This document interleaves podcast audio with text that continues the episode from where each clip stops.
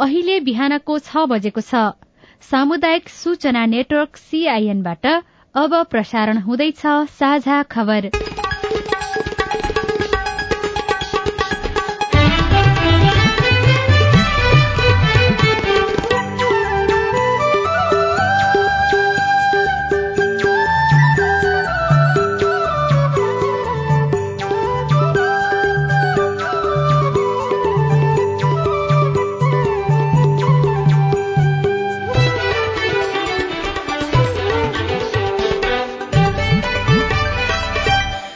शुभ प्रभात यो सीआईएनको साझा खबर हो। उषा तामाङसँगै राजन रुचालको तपाईँलाई स्वागत छ। सामुदायिक रेडियोबाट देशैभरि एकैसाथ प्रसारण भइरहेको साझा खबर सीआईएन खबर डट कम र मोबाइल एप सीआईएनबाट पनि सुन्न सकिन्छ। आज दुई हजार उनासी साल भदौ नौ गते बिहिबार अगस्त पच्चीस तारीक सन् दुई हजार बाइस नेपाल सम्मत एघार सय बयालिस भाद्र कृष्ण पक्षको त्रयोदशी तिथि। साझा खबरमा प्रमुख खबरका शीर्षकहरू। नागरिकता विधेयकले राजनैतिक संकट गहिरियो। राष्ट्रपति भण्डारी कानूनी परामर्शमा नागरिकता र संक्रमणकालीन न्याय सम्बन्धी विधेयकमा प्रधानमन्त्रीसँग एमालेको चासो। आगामी चुनावका लागि निर्वाचन आयोगद्वारा सतासी दल स्वीकृत। सत्ता गठबन्धनले सीट बाँडफाँड टुंग्याउन सकेन। निलम्बित प्रधान न्यायाधीश जबरालाई सोधपूछका लागि महाभियोग सिफारिश समितिले बोलायो। सय मेगावाट विद्युत किन्न बंगलादेश तयार। भारतको सहमति खोजिने तीन वर्षदेखि तिब्बती नाका ठप्प हुँदा मुगुका नागरिकलाई शास्ति। युक्रेनको रेल स्टेशनमा भएको आक्रमणमा परि पन्ध्र जनाको मृत्यु। थाइल्याण्डका प्रधानमन्त्री ओचा निलम्बित श्रीलंकाद्वारा तीन सय वस्तु आयातमा प्रतिबन्ध। र नेपाल र केन्या बीचको पहिलो टी ट्वेन्टी खेल आज बीस वर्ष मुनिको एसियन कप छनौटका लागि पच्चीस सदस्यीय नेपाली टोलीको घोषणा।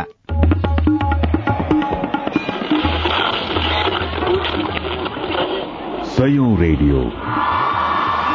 हजारौं रेडियो कर्मी र करोड़ौं नेपालीको माझमा यो हो सामुदायिक सूचना नेटवर्क सीआईएन साझा खबरको सबैभन्दा शुरूमा नागरिकता विधेयकले गहिरिएको राजनीतिक संकट र राष्ट्रपति भण्डारीको परामर्श सम्बन्धी प्रसंग। नेपाल नागरिकता ऐन दुई हजार त्रिसठीलाई संशोधन गर्न बनेको विधेयकमा सिर्जित विवादले राष्ट्रिय राजनीतिलाई गम्भीर मोडमा पुर्याएको छ। यसबाट सत्तारूढ़ गठबन्धन सदन र राष्ट्रपति बीच गम्भीर द्वन्द सिर्जना भएको छ भने राष्ट्रिय राजनीतिलाई नै तरंगित पार्ने अवस्था बनेको छ। प्रतिनिधि सभा र राष्ट्रिय सभाले पारित गरेर पठाएको विधेयकलाई राष्ट्रपति विद्यादेवी भण्डारीले साउन उनातिस गते संघीय संसदबाट पुनर्विचार हुनु आवश्यक देखिएको भन्दै संविधानको धारा एक सय तेह्रको उपधारा तीन बमोजिम पन्ध्र बुधे सन्देश सहित प्रतिनिधि सभामा फिर्ता पठाउनु भएको थियो। सत्तारूढ़ गठबन्धनले राष्ट्रपतिले राजनैतिक स्वार्थले विधेयक फिर्ता पठाएको समीक्षा गर्दै जस्ताको तस्तै पारित गरेर पठाउने निष्कर्ष निकालेको थियो। सोही अनुसार उक्त विधेयक फास्ट ट्र्याक मार्फत भदौ दुई गते नै प्रतिनिधि सभाले हुबहु पारित गरेर राष्ट्रिय सभामा पठाइएको छ। त्यहाँ पनि सत्तारूढ़ गठबन्धनकै बहुमत भएकाले पारित हुनेमा कुनै शंका छैन। राष्ट्रपति विद्यादेवी भण्डारीले विभिन्न क्षेत्रका प्रतिनिधिलाई भेट्ने क्रममा बुधबार साँझ पूर्व सैनिक अधिकारीहरूलाई शीतल निवासमा रात्रि भोज दिनुभएको छ। प्रधान सेनापति पूर्व प्रधान सेनापतिहरू सहित करिब सत्तरी जना सहभागी उक्त भोजमा राष्ट्रपतिले राजनैतिक सम्वाद पनि गर्नुभयो जसमा संसदमा विचाराधीन नागरिकता विधेयक मुख्य विषय थियो। नेपाली सेनाका परमाधिपति समेत रहनुभएका राष्ट्रपतिसँगको भेटमा पूर्व प्रधान सेनापतिहरू प्यारजङ थापा र पूर्णचन्द्र थापा अवकाश प्राप्त जर्नेलहरू किशोर बहादुर भण्डारी बालानन्द शर्मा पूर्ण सिलवाल प्रेमसिंह बस्न्यात रविन्द्र छेत्री र सुरेश कार्कीले प्रखर रूपमा आफ्नो धारणा राख्नु भएको थियो। उहाँहरूले नागरिकता विधेयक संसदमै फिर्ता पठाएर मुलुकको हितमा काम गरेको भन्दै राष्ट्रपतिको प्रशंसा समेत गर्नुभयो। राष्ट्रपति भण्डारीले राजीनामा दिने हल्ला आइरहेको उल्लेख गर्दै त्यसो नगर्न पनि उहाँहरूले आग्रह गर्नुभएको थियो। एक सहभागीका अनुसार अन्त्यमा सम्बोधन गर्दै राष्ट्रपति भण्डारीले भन्नुभयो नागरिकता विधेयक संसदबाट फेरि आयो भने त्यसलाई संशोधन त्यसलाई सम्बोधन गर्न कानूनी विकल्पहरू खोज्नेछौ तर म राजीनामा भन्ने दिन्न त्यसमा तपाईँहरू ढुक्क हुनुहोस्। यो विधेयक फेरि राष्ट्रपति कहाँ कहिले पुग्छ भन्ने यकिन छैन किनकि प्रतिनिधि सभाले पारित गरे पनि राष्ट्रिय सभाले छलफलको कार्यसूची अहिलेसम्म राखेको छैन। राष्ट्रिय सभाको आगामी बैठक भदौ बाह्रका लागि डाकिएको छ। नागरिकता विधेयक राष्ट्रिय सभाले पारित गरी पुनः प्रतिनिधि सभामा पठाएपछि सभामुखले प्रमाणित गरेर प्रमाणीकरणका लागि राष्ट्रपति कहाँ पठाउने संवैधानिक व्यवस्था छ। तर राष्ट्रिय सभाले अस्वीकृत गरे वा संशोधन सहित फिर्ता पठाए प्रतिनिधि सभाको तत्काल कायम रहेको सदस्य संख्याको बहुमतले निर्णय गरेर राष्ट्रपतिलाई प्रमाणीकरणका लागि पठाउन सक्नेछ। एक वर्ष अघि तत्कालीन प्रधानमन्त्री केपी शर्मा ओलीले नागरिकता सम्बन्धी अध्यादेश ल्याउँदा राष्ट्रपति विद्यादेवी भण्डारीले तत्काल प्रमाणीकरण गर्नुभएको थियो। अहिलेको नागरिकता विधेयकमै भएका प्रावधान त्यो अध्यादेशमा थियो। तर तिनै व्यवस्था सहित सार्वभौम संसदले पारित गरेर प्रमाणीकरणका लागि पठाएको विधेयक भने पुनर्विचार गर्न भन्दै राष्ट्रपति भण्डारीले प्रतिनिधि सभामा फिर्ता पठाएको सत्ता गठबन्धनको भनाइ छ। राष्ट्रपति कार्यालयले भने संविधानमा विधेयक र अध्यादेशबारे राष्ट्रपतिको अधिकार फरक भएको भन्दै प्रष्टीकरण दिएको थियो।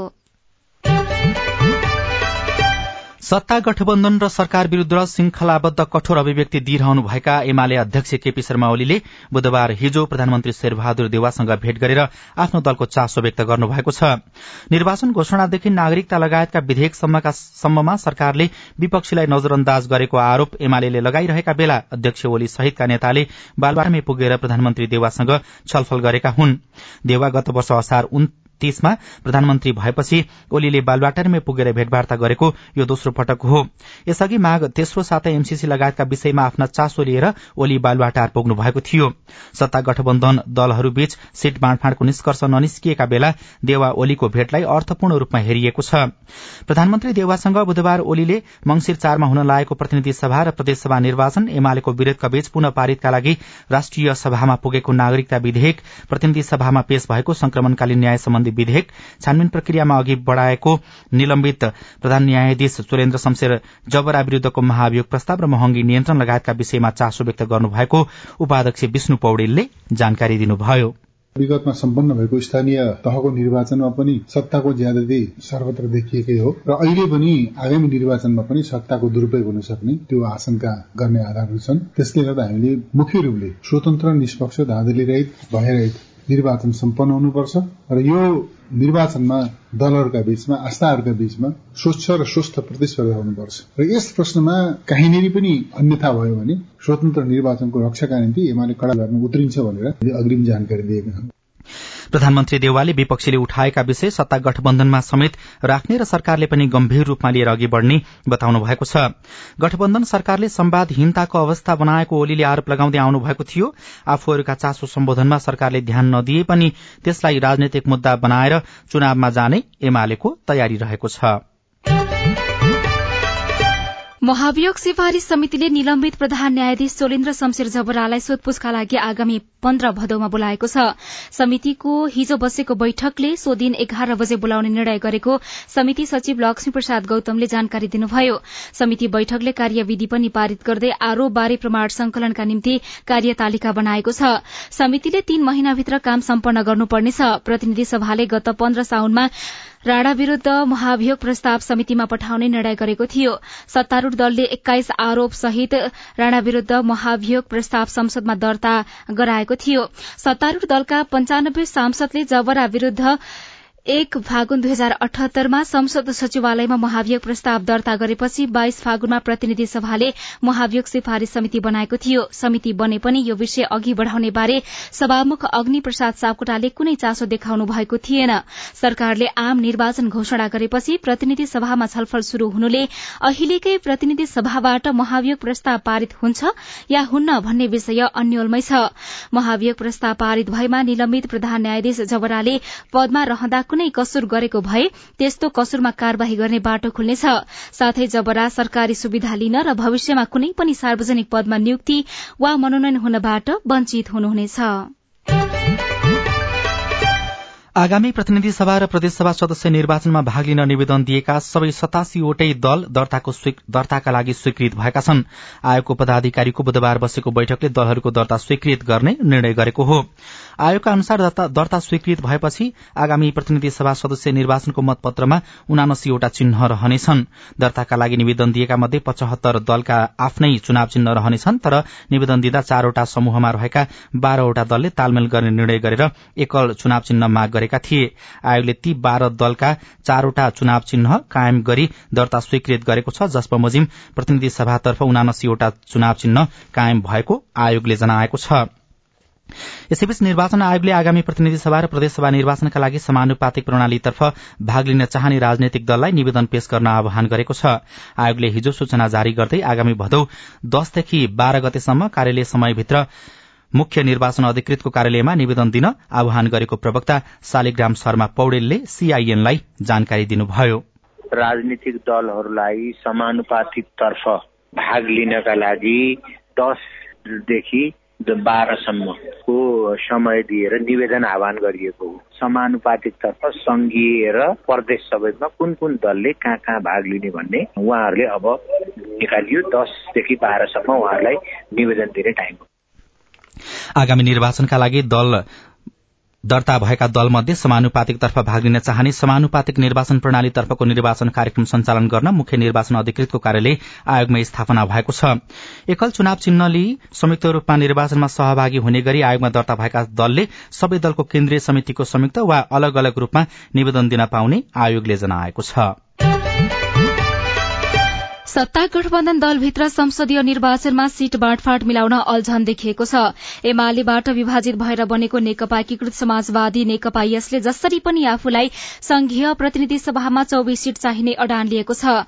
माओवादी केन्द्रले गठबन्धनका अन्य दलले पचासी सीट र कांग्रेसले अस्सी सीट लिएर चुनावमा जानुपर्ने प्रस्ताव राखेको छ जसले गर्दा सीट बाँडफाँड कार्य दलले काम गर्न सकेको छैन।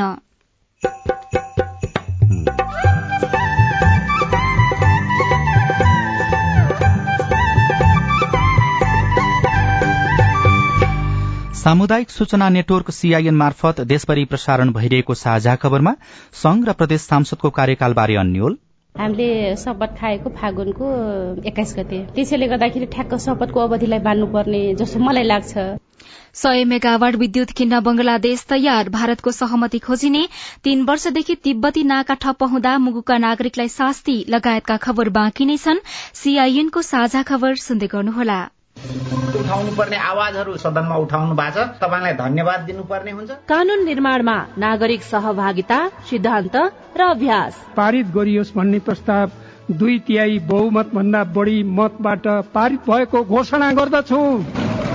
कानून कार्यान्वयनमा सांसद र संसदको जवाफदेहिता। र जिल्लाको र समग्र मुलुकका चाहिँ सवालहरूलाई संसदमा उठाउने सवालहरूमा म आफूले सशक्त ढंगले भूमिका खेले भन्ने लाग्छ। संसदीय प्रक्रियामा जनता र सरकारवाला निकायको नजर। युवाको क्षेत्रमा त्यति धेरै काम भएको छैन। युवालाई चाहिँ ओजरमै राखेर अहिले काम भइरहेको छ। युवाहरूलाई चाहिँ रोजगारीमा जोड्नुपर्छ भनेर अहिले केही कार्यक्रमहरू पनि सञ्चालन गरेका छौँ। जनतादेखि नेतासम्म नीतिदेखि नेतृत्वसम्म युवा सीमान्तकृत वर्ग जाति अल्पसंख्यकका सवालहरू। जनताको कुरा राख्ने ठाउँ संसदै हो। हामी कार्यपालिका होइन व्यवस्थापिका हो नीति निर्माण गर्ने हो। अब सवाल मात्रै होइन जवाबसँगै देखिन्छ प्रभाव पनि। कार्यक्रम हेलो सांसद। सीआईएन मार्फत मुलुकभरका सामुदायिक रेडियोमा हरेक बिहिबार बेलुकाको साझा खबरमा र भोलिपल्ट शुक्रबार बिहान साढे छ बजे कार्यक्रम हेलो सांसद। सीआईएन को फेसबुक पेज र युट्युब च्यानलमा सांकेतिक भाषामा पनि हेर्न सक्नुहुनेछ। सामाजिक रूपान्तरणका लागि यो हो सामुदायिक सूचना नेटवर्क सीआईएन तपाईँ अहिले देशभरिका सामुदायिक radio CIN Khabar dot com र मोबाइल एप सीआईएनबाट एकैसाथ साझा खबर सुन्दै हुनुहुन्छ। अब आज काठमाडौँबाट प्रकाशित पत्र पत्रिकाको खबर। कान्तिपुर दैनिकको अर्थ वाणिज्य पृष्ठमा सय मेगावाट विद्युत किन्न बंगलादेश तयार। भारतको सहमति खोजिने शीर्षकमा हेमन्त जोशीले काठमाण्डुबाट खबर लेख्नु भएको छ। बंगलादेशले नेपालबाट करिब एक सय मेगावाट बिजुली तत्कालै लैजान सक्ने जनाएको छ। दुवै मुलुकका ऊर्जा सहसचिव स्तरीय जोइन्ट वर्किङ ग्रुप जेडब्ल्यूजीको बुधबारको बैठकमा करिब एक दर्जन एजेण्डामाथि छलफल भएको थियो जसमा विद्युत व्यापारलाई प्राथमिकताका साथ उठाइएको हो। छलफलपछि भारतले सहयोग गरेमा नेपाल बंगलादेश बीच अहिले नै विद्युत व्यापार गर्न सकिने बारे दुवै मुलुकका अधिकारी सहमत भएका छन्। नेपाल बंगलादेश विद्युत व्यापारका लागि भारतीय भूमि प्रयोग गर्नुपर्ने हुन्छ। त्यसका लागि त्रिदेशीय सहमति खोज्नुपर्ने भए पनि हालसम्म संयुक्त बैठक नै बस्न सकेको छैन। कान्तिपुर दैनिकको पहिलो पृष्ठमा गोर्खाको अग्निपथ भर्ना स्थगित। शीर्षकमा जगदेश्वर पाण्डे र मणि दाहालले काठमाण्डुबाट लेख्नु भएको खबर छापिएको छ। भारतीय सेनाले ल्याएको अग्निपथ योजना अनुसार गोर्खा भर्ती तत्काल नहुने भएको छ। नयाँ नीति अनुसार भारतले गोर्खा भर्ना गर्न खोजे पनि नेपाल सरकारले राष्ट्रिय धारणा बनाएर औपचारिक प्रतिक्रिया दिने भन्दै तत्काल स्थगित गर्न आग्रह गरेको छ। परम्परागत रूपमा हुँदै आएको भर्ना जस्तै नयाँ भर्तीमा सहजीकरण गरिदिन भारतीय सेनाले एकतीस जेठमा पत्र पठाए पनि नेपाल सरकार अहिलेसम्म लिखित जवाफ पठाउन मौन बसिराखेको अवस्था छ। भारतीय सेनाको पत्रमा प्रधानमन्त्री शेरबहादुर देवालले परराष्ट्र मन्त्री नारायण खड्का र प्रधानमन्त्रीका परराष्ट्र सल्लाहकार अरूण सुवेदीसँग मंगलबार र बुधबार छलफल गर्नुभएको थियो तर स्पष्ट नीति बनाउन नसकेकाले सत्ता गठबन्धन र राजनैतिक दलसँग थप छलफल गरी अन्तिम जवाब दिने तयारी गरेको छ। गोर्खापत्र दैनिकमा अनधिकृत संरचना धमाधम भत्काइदिए शीर्षकमा भौज प्रसाद यादवले खबर लेख्नु भएको छ। काठमाडौँ महानगरपालिकाले महानगरभित्र अनधिकृत रूपमा निर्माण गरिएका संरचना भत्काउन शुरू गरेको छ। नक्सा पास नगरी अनधिकृत रूपमा निर्माण गरिएका तथा नक्सा पास भए पनि त्यस विपरीत बनाइएका संरचना भत्काउने कार्यलाई महानगरले अभियानका रूपमा शुरू गरेको हो। यसरी अनधिकृत रूपमा निर्माण गरिएका टहरा भत्काउने कार्य महानगरमा धेरै समयपछि पुनः थालिएको छ। नागरिक दैनिकमा निहारिकाको माग बमोजिम डीएनए जाँच गर्न आदेश शीर्षकमा मिथिलेश यादवले जनकपुर धामबाट खबर लेख्नु भएको छ। न्यायका लागि जनकपुरदेखि काठमाण्डुसम्म पुगेर अनसन बस्दै आउनुभएकी सोनाली कुमारी सिंह निहारिका राजपूतको मुद्दामा उच्च अदालत जनकपुरले माग बमोजिम बच्चा र प्रतिवादीको डीएनए परीक्षण गर्न आदेश दिएको छ। न्यायाधीश भोजराज अधिकारी र रेखा थापा पाण्डेको संयुक्त इजलासले पीड़ित निहारिकाबाट जन्मिएको बच्चा र प्रतिवादीको डीएनए परीक्षण गर्न राष्ट्रिय विधि विज्ञान प्रयोगशाला खुमलटार पठाउन हिजो आदेश दिएको हो। कान्तिपुर दैनिकमा तीन वर्षदेखि तिब्बती नाका ठप्प नेपालगंजबाट ढुवानी गरी मुगुका गाउँसम्म पुर्याउँदा सामान भन्दा तीन गुणा बढ़ी भाड़ा शीर्षकमा राजबहादुर शाहीले मुगुबाट लेख्नु भएको खबर छापिएको छ। मुगु चीन सीमास्थित व्यापारिक नाका नाक्चे नाङ्ला हयाजीमार क्षेत्र तीन वर्षदेखि नखुल्दा स्थानीय बासिन्दाले शास्ति भोगिरहेका छन्। कोरोना महामारी फैलिएपछि चीनले तीन वर्ष अघि नाका बन्द गर्न गर्दा दैनिक उपभोग्य सामग्री र खाद्यान्न ढुवानी हुन सकेको छैन। चीन सीमा पुग्न एक दिन पनि लाग्दैन। सदरमुकाम जान दुई दिन लाग्छ। मुगु कार्मारोङ गाउँपालिका स्थित मुगु गाउँका पासाङ लामाले भन्नुभएको छ नाका खुलेको भए त्यतैबाट खाद्यान्न ल्याइन्थ्यो होला। अहिले परिवारलाई चाहिने नुन र चामलका लागि पाँच दिनको समय छुट्याएर सदरमुकाम पुग्नुपर्ने बाध्यता छ। यो वर्ष नाका खुल्ने नखुल्ने निश्चित नभएको उहाँले गुनासो गर्नुभएको छ। मुगुम कार्मारोङको मुगु मुगु गाउँ स्थित डोल्फू चितै कार्तिक किर्मी का बासिन्दाहरू एक दिनमा मुगु सीमा पुग्छन् भने अन्य गाउँका बासिन्दाहरूलाई डेढ़ दिनको समय बाटोको तय गर्नुपर्छ। पुर्खौंदेखि तिब्बतबाटै नुन चामलको दर उतैको बाटो सजिलो लाग्ने बताउँछन्। उनीहरूका अनुसार मुगुको गमगढ़ीदेखि छैल बजारसम्म अठार किलोमिटर भन्दा बढ़ी गाड़ीको बाटो छ र त्यसमाथि खच्चड़ र भरिया मार्फत दैनिक उपभोग्य सामान पुर्याउनु पर्ने बाध्यता रहेको छ। नाका नखुल्दा स्थानीय सकस भइरहेको छ।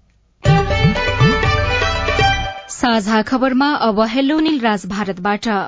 रामेछाबाट सुमन शिक्षक लाइसेन्स मावि र निशा सकिँदा प्राविको खुल्ने। निवासीलाई आधारभूत असमेटेकोले अब प्रावि नखुल्ने भन्ने पनि सुनिन्छ। सो त शिक्षक सेवा आयोग तिनै तहमा खुलाउँदा यो पनि तिनै तहमा खुलाइदिँदा विद्यार्थीलाई अर्को अवसर प्रदान हुने थियो कि? तपाईँको प्रश्न सुनिसकेपछि शिक्षक सेवा आयोगका सूचना अधिकारी सुदर्शन मरठाको जवाब छ। प्राथमिक तहको र निम्न माध्यमिक तहको शैक्षिक योग्यता एउटै भएको कारणले अहिले शिक्षक सेवा आयोगले निम्न माध्यमिक तहको मात्रै विज्ञापन गर्दाखेरि त्यस्ता व्यक्तिहरू पनि परीक्षामा सहभागी हुन सक्ने अवस्थालाई दृष्टिगत गरी हाल चाहिँ प्राथमिक तहको चाहिँ अध्यापन अनुमति पत्रको विज्ञापन चाहिँ नगरेको कुरा म जानकारी गराउँछु। वार्षिक कार्यतालिका पनि प्रकाशित गरिसकेका छन्। त्यसमा हामीले तह खोलेका छैनौँ। अध्यापन अनुमति पत्रको पनि विज्ञापन गर्ने चाहिँ सोच बनाएको छौँ। अब आयोगले यसलाई कसरी लिन्छ त्यसपछि मात्रै मैले बोल्न सक्छु। अहिले तत्कालै प्राथमिक तहको चाहिँ विज्ञापन हुने अवस्था चाहिँ छैन। हाम्रो इमेल ठेगाना साझा खबर एट जीमेल डट कममा पञ्चदेवल विनायक नगरपालिका अछामका वीरेन्द्र सिजापति लेख्नुहुन्छ।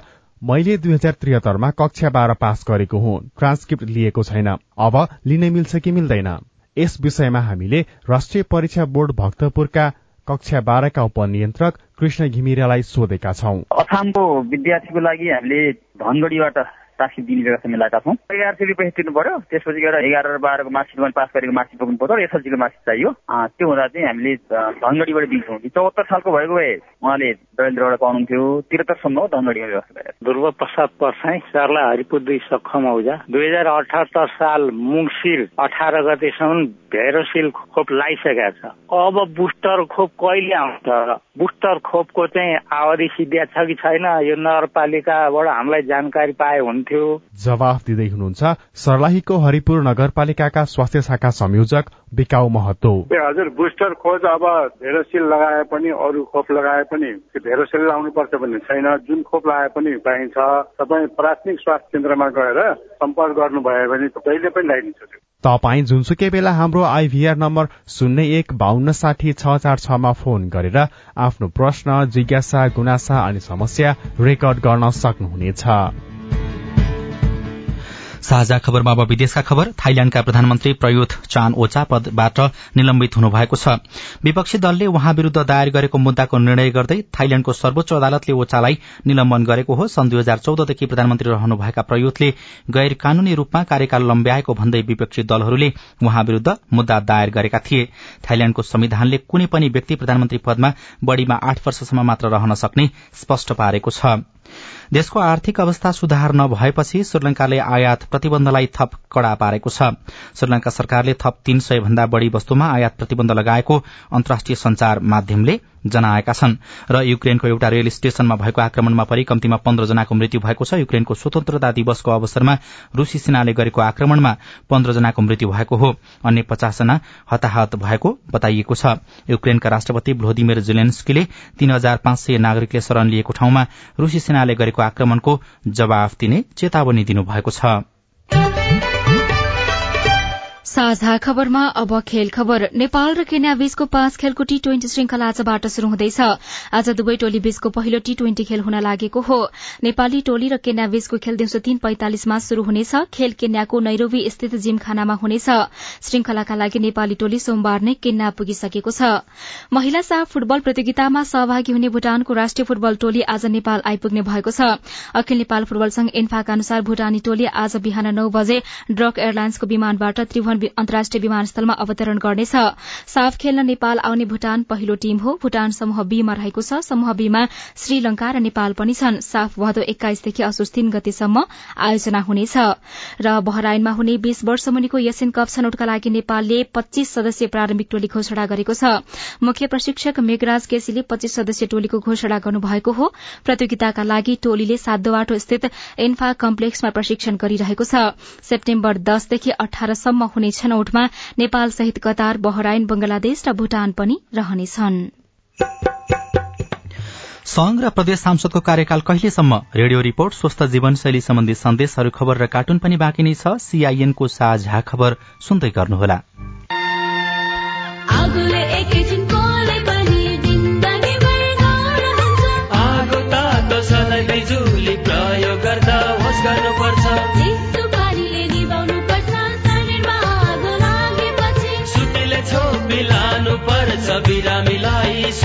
चौकी नानी हो हुन्न भान्सामा खेल्नु तातो र बलले सामान हुन्छ होस गरी चलाऊ स्टोभ र ग्यास भुइँमा पकाए दुर्घटना बढ्छ। अग्निजन्य दुर्घटना भएमा शून्य एक पचपन्न पचपन्न छ आठ नौमा सम्पर्क गर्नुहोस्। BBS Nepal Lalitpur. Dish Home FiberNet presents for the first time in Nepal. Get ready to get your mind blown with four times faster than 5G. We are introducing Wi-Fi 6, the only technology with artificial intelligence in Nepal.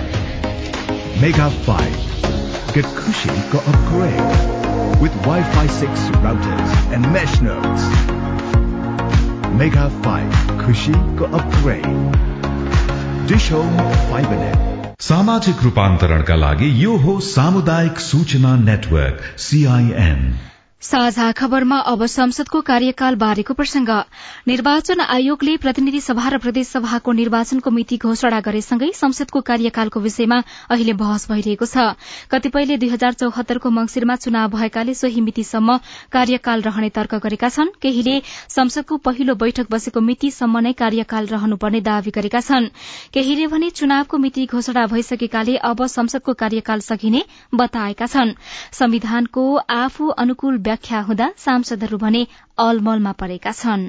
संविधानको धारा पचासीले प्रतिनिधि सभाको कार्यकाल सम्बन्धी व्यवस्था गरेको छ जहाँ संविधान बमोजिम समय अगावै विघटन भएको बाहेक प्रतिनिधि सभाको कार्यकाल पाँच वर्षको हुने उल्लेख छ।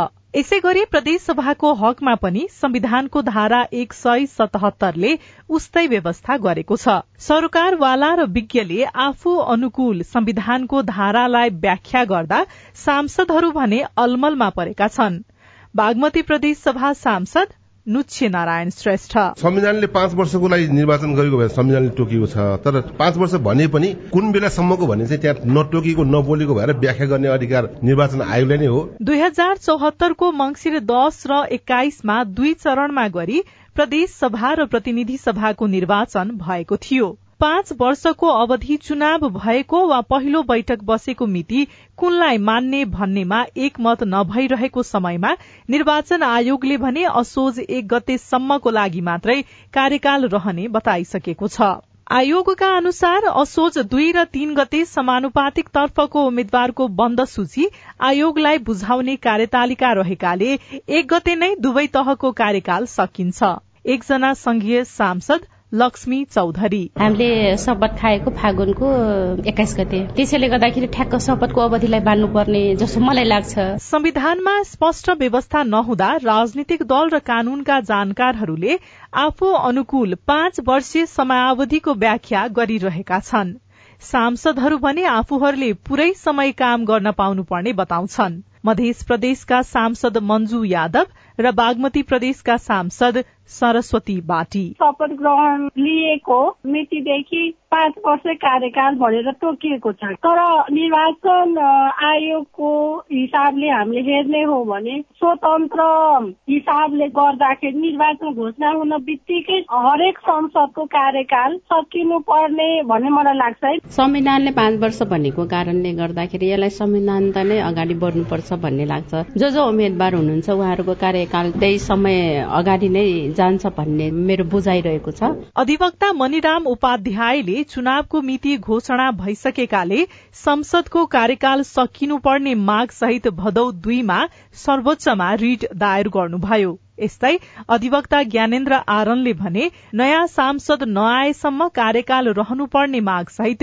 चार दिन अघि सर्वोच्चमा नै रिट दायर गर्नुभयो। संविधानविद काशीराज दाहाल संसदको कार्यकाल कहिलेसम्म रहन्छ भन्ने निर्क्यौल अब सर्वोच्चको फैसलाले नै गर्ने बताउनुहुन्छ।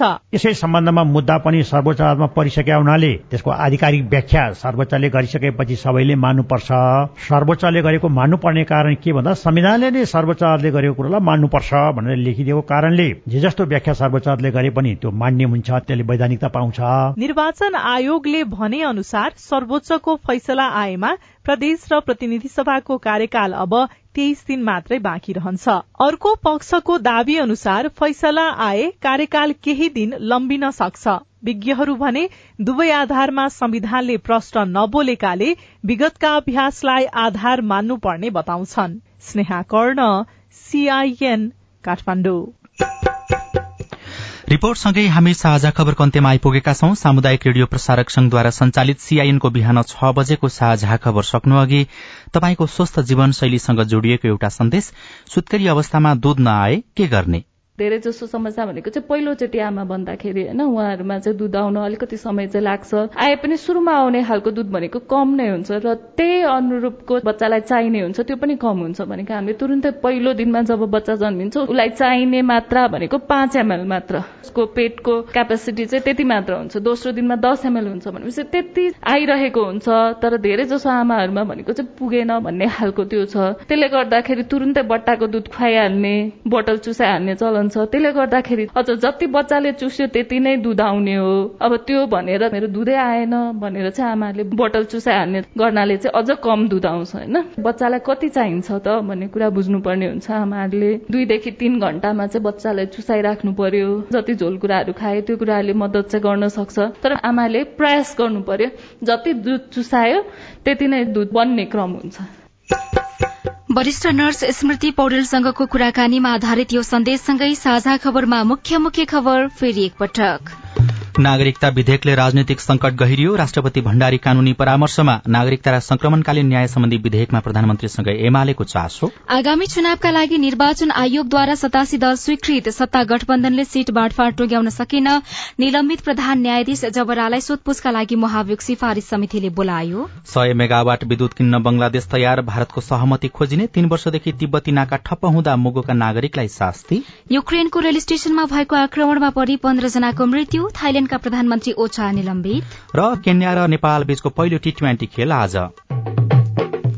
साझा खबरको अन्त्यमा कार्टुन लिएका छौं। नयाँ पत्रिका दैनिकबाट कर्नर किक शीर्षकमा रवि मिश्रले बनाउनु भएको कार्टुन छ। यहाँ निर्वाचन आयोग जस्तो देखिन्छ। एमाले अध्यक्ष केपी शर्मा ओली निर्वाचन आयोग पुग्नु भएको जस्तो देखाइएको छ र उहाँले चाहिँ त्यहाँ पुगेर केही भनेको जस्तो देखिन्छ। एमाले छ भन्ने नबिर्सनु होला भनेर उहाँको अभिव्यक्ति आएको छ। त्यही कुरालाई व्यङ्ग्य गर्न खोजिएको छ र उहाँको अभिव्यक्ति पछि निर्वाचन आयोगका अधिकारी जस्ता देखिने व्यक्तिले चाहिँ यसरी जवाफ फर्काएका छन्। एमाले कहाँ बिर्सनु? त्यही पचास एकाउन्नतिरको झिल्के पार्टी होइन। अँ साँच्ची। अध्यक्ष चाहिँ कोरे मनमनजी कि मदनजी रे।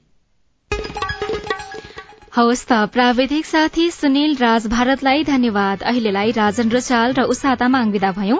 तपाईँको आजको दिन शुभ होस्। नमस्कार। यसपछि देशभरिका सामुदायिक रेडियोबाट कार्यक्रम साझा आवाज प्रसारण हुनेछ। सुन्ने प्रयास गर्नुहोला।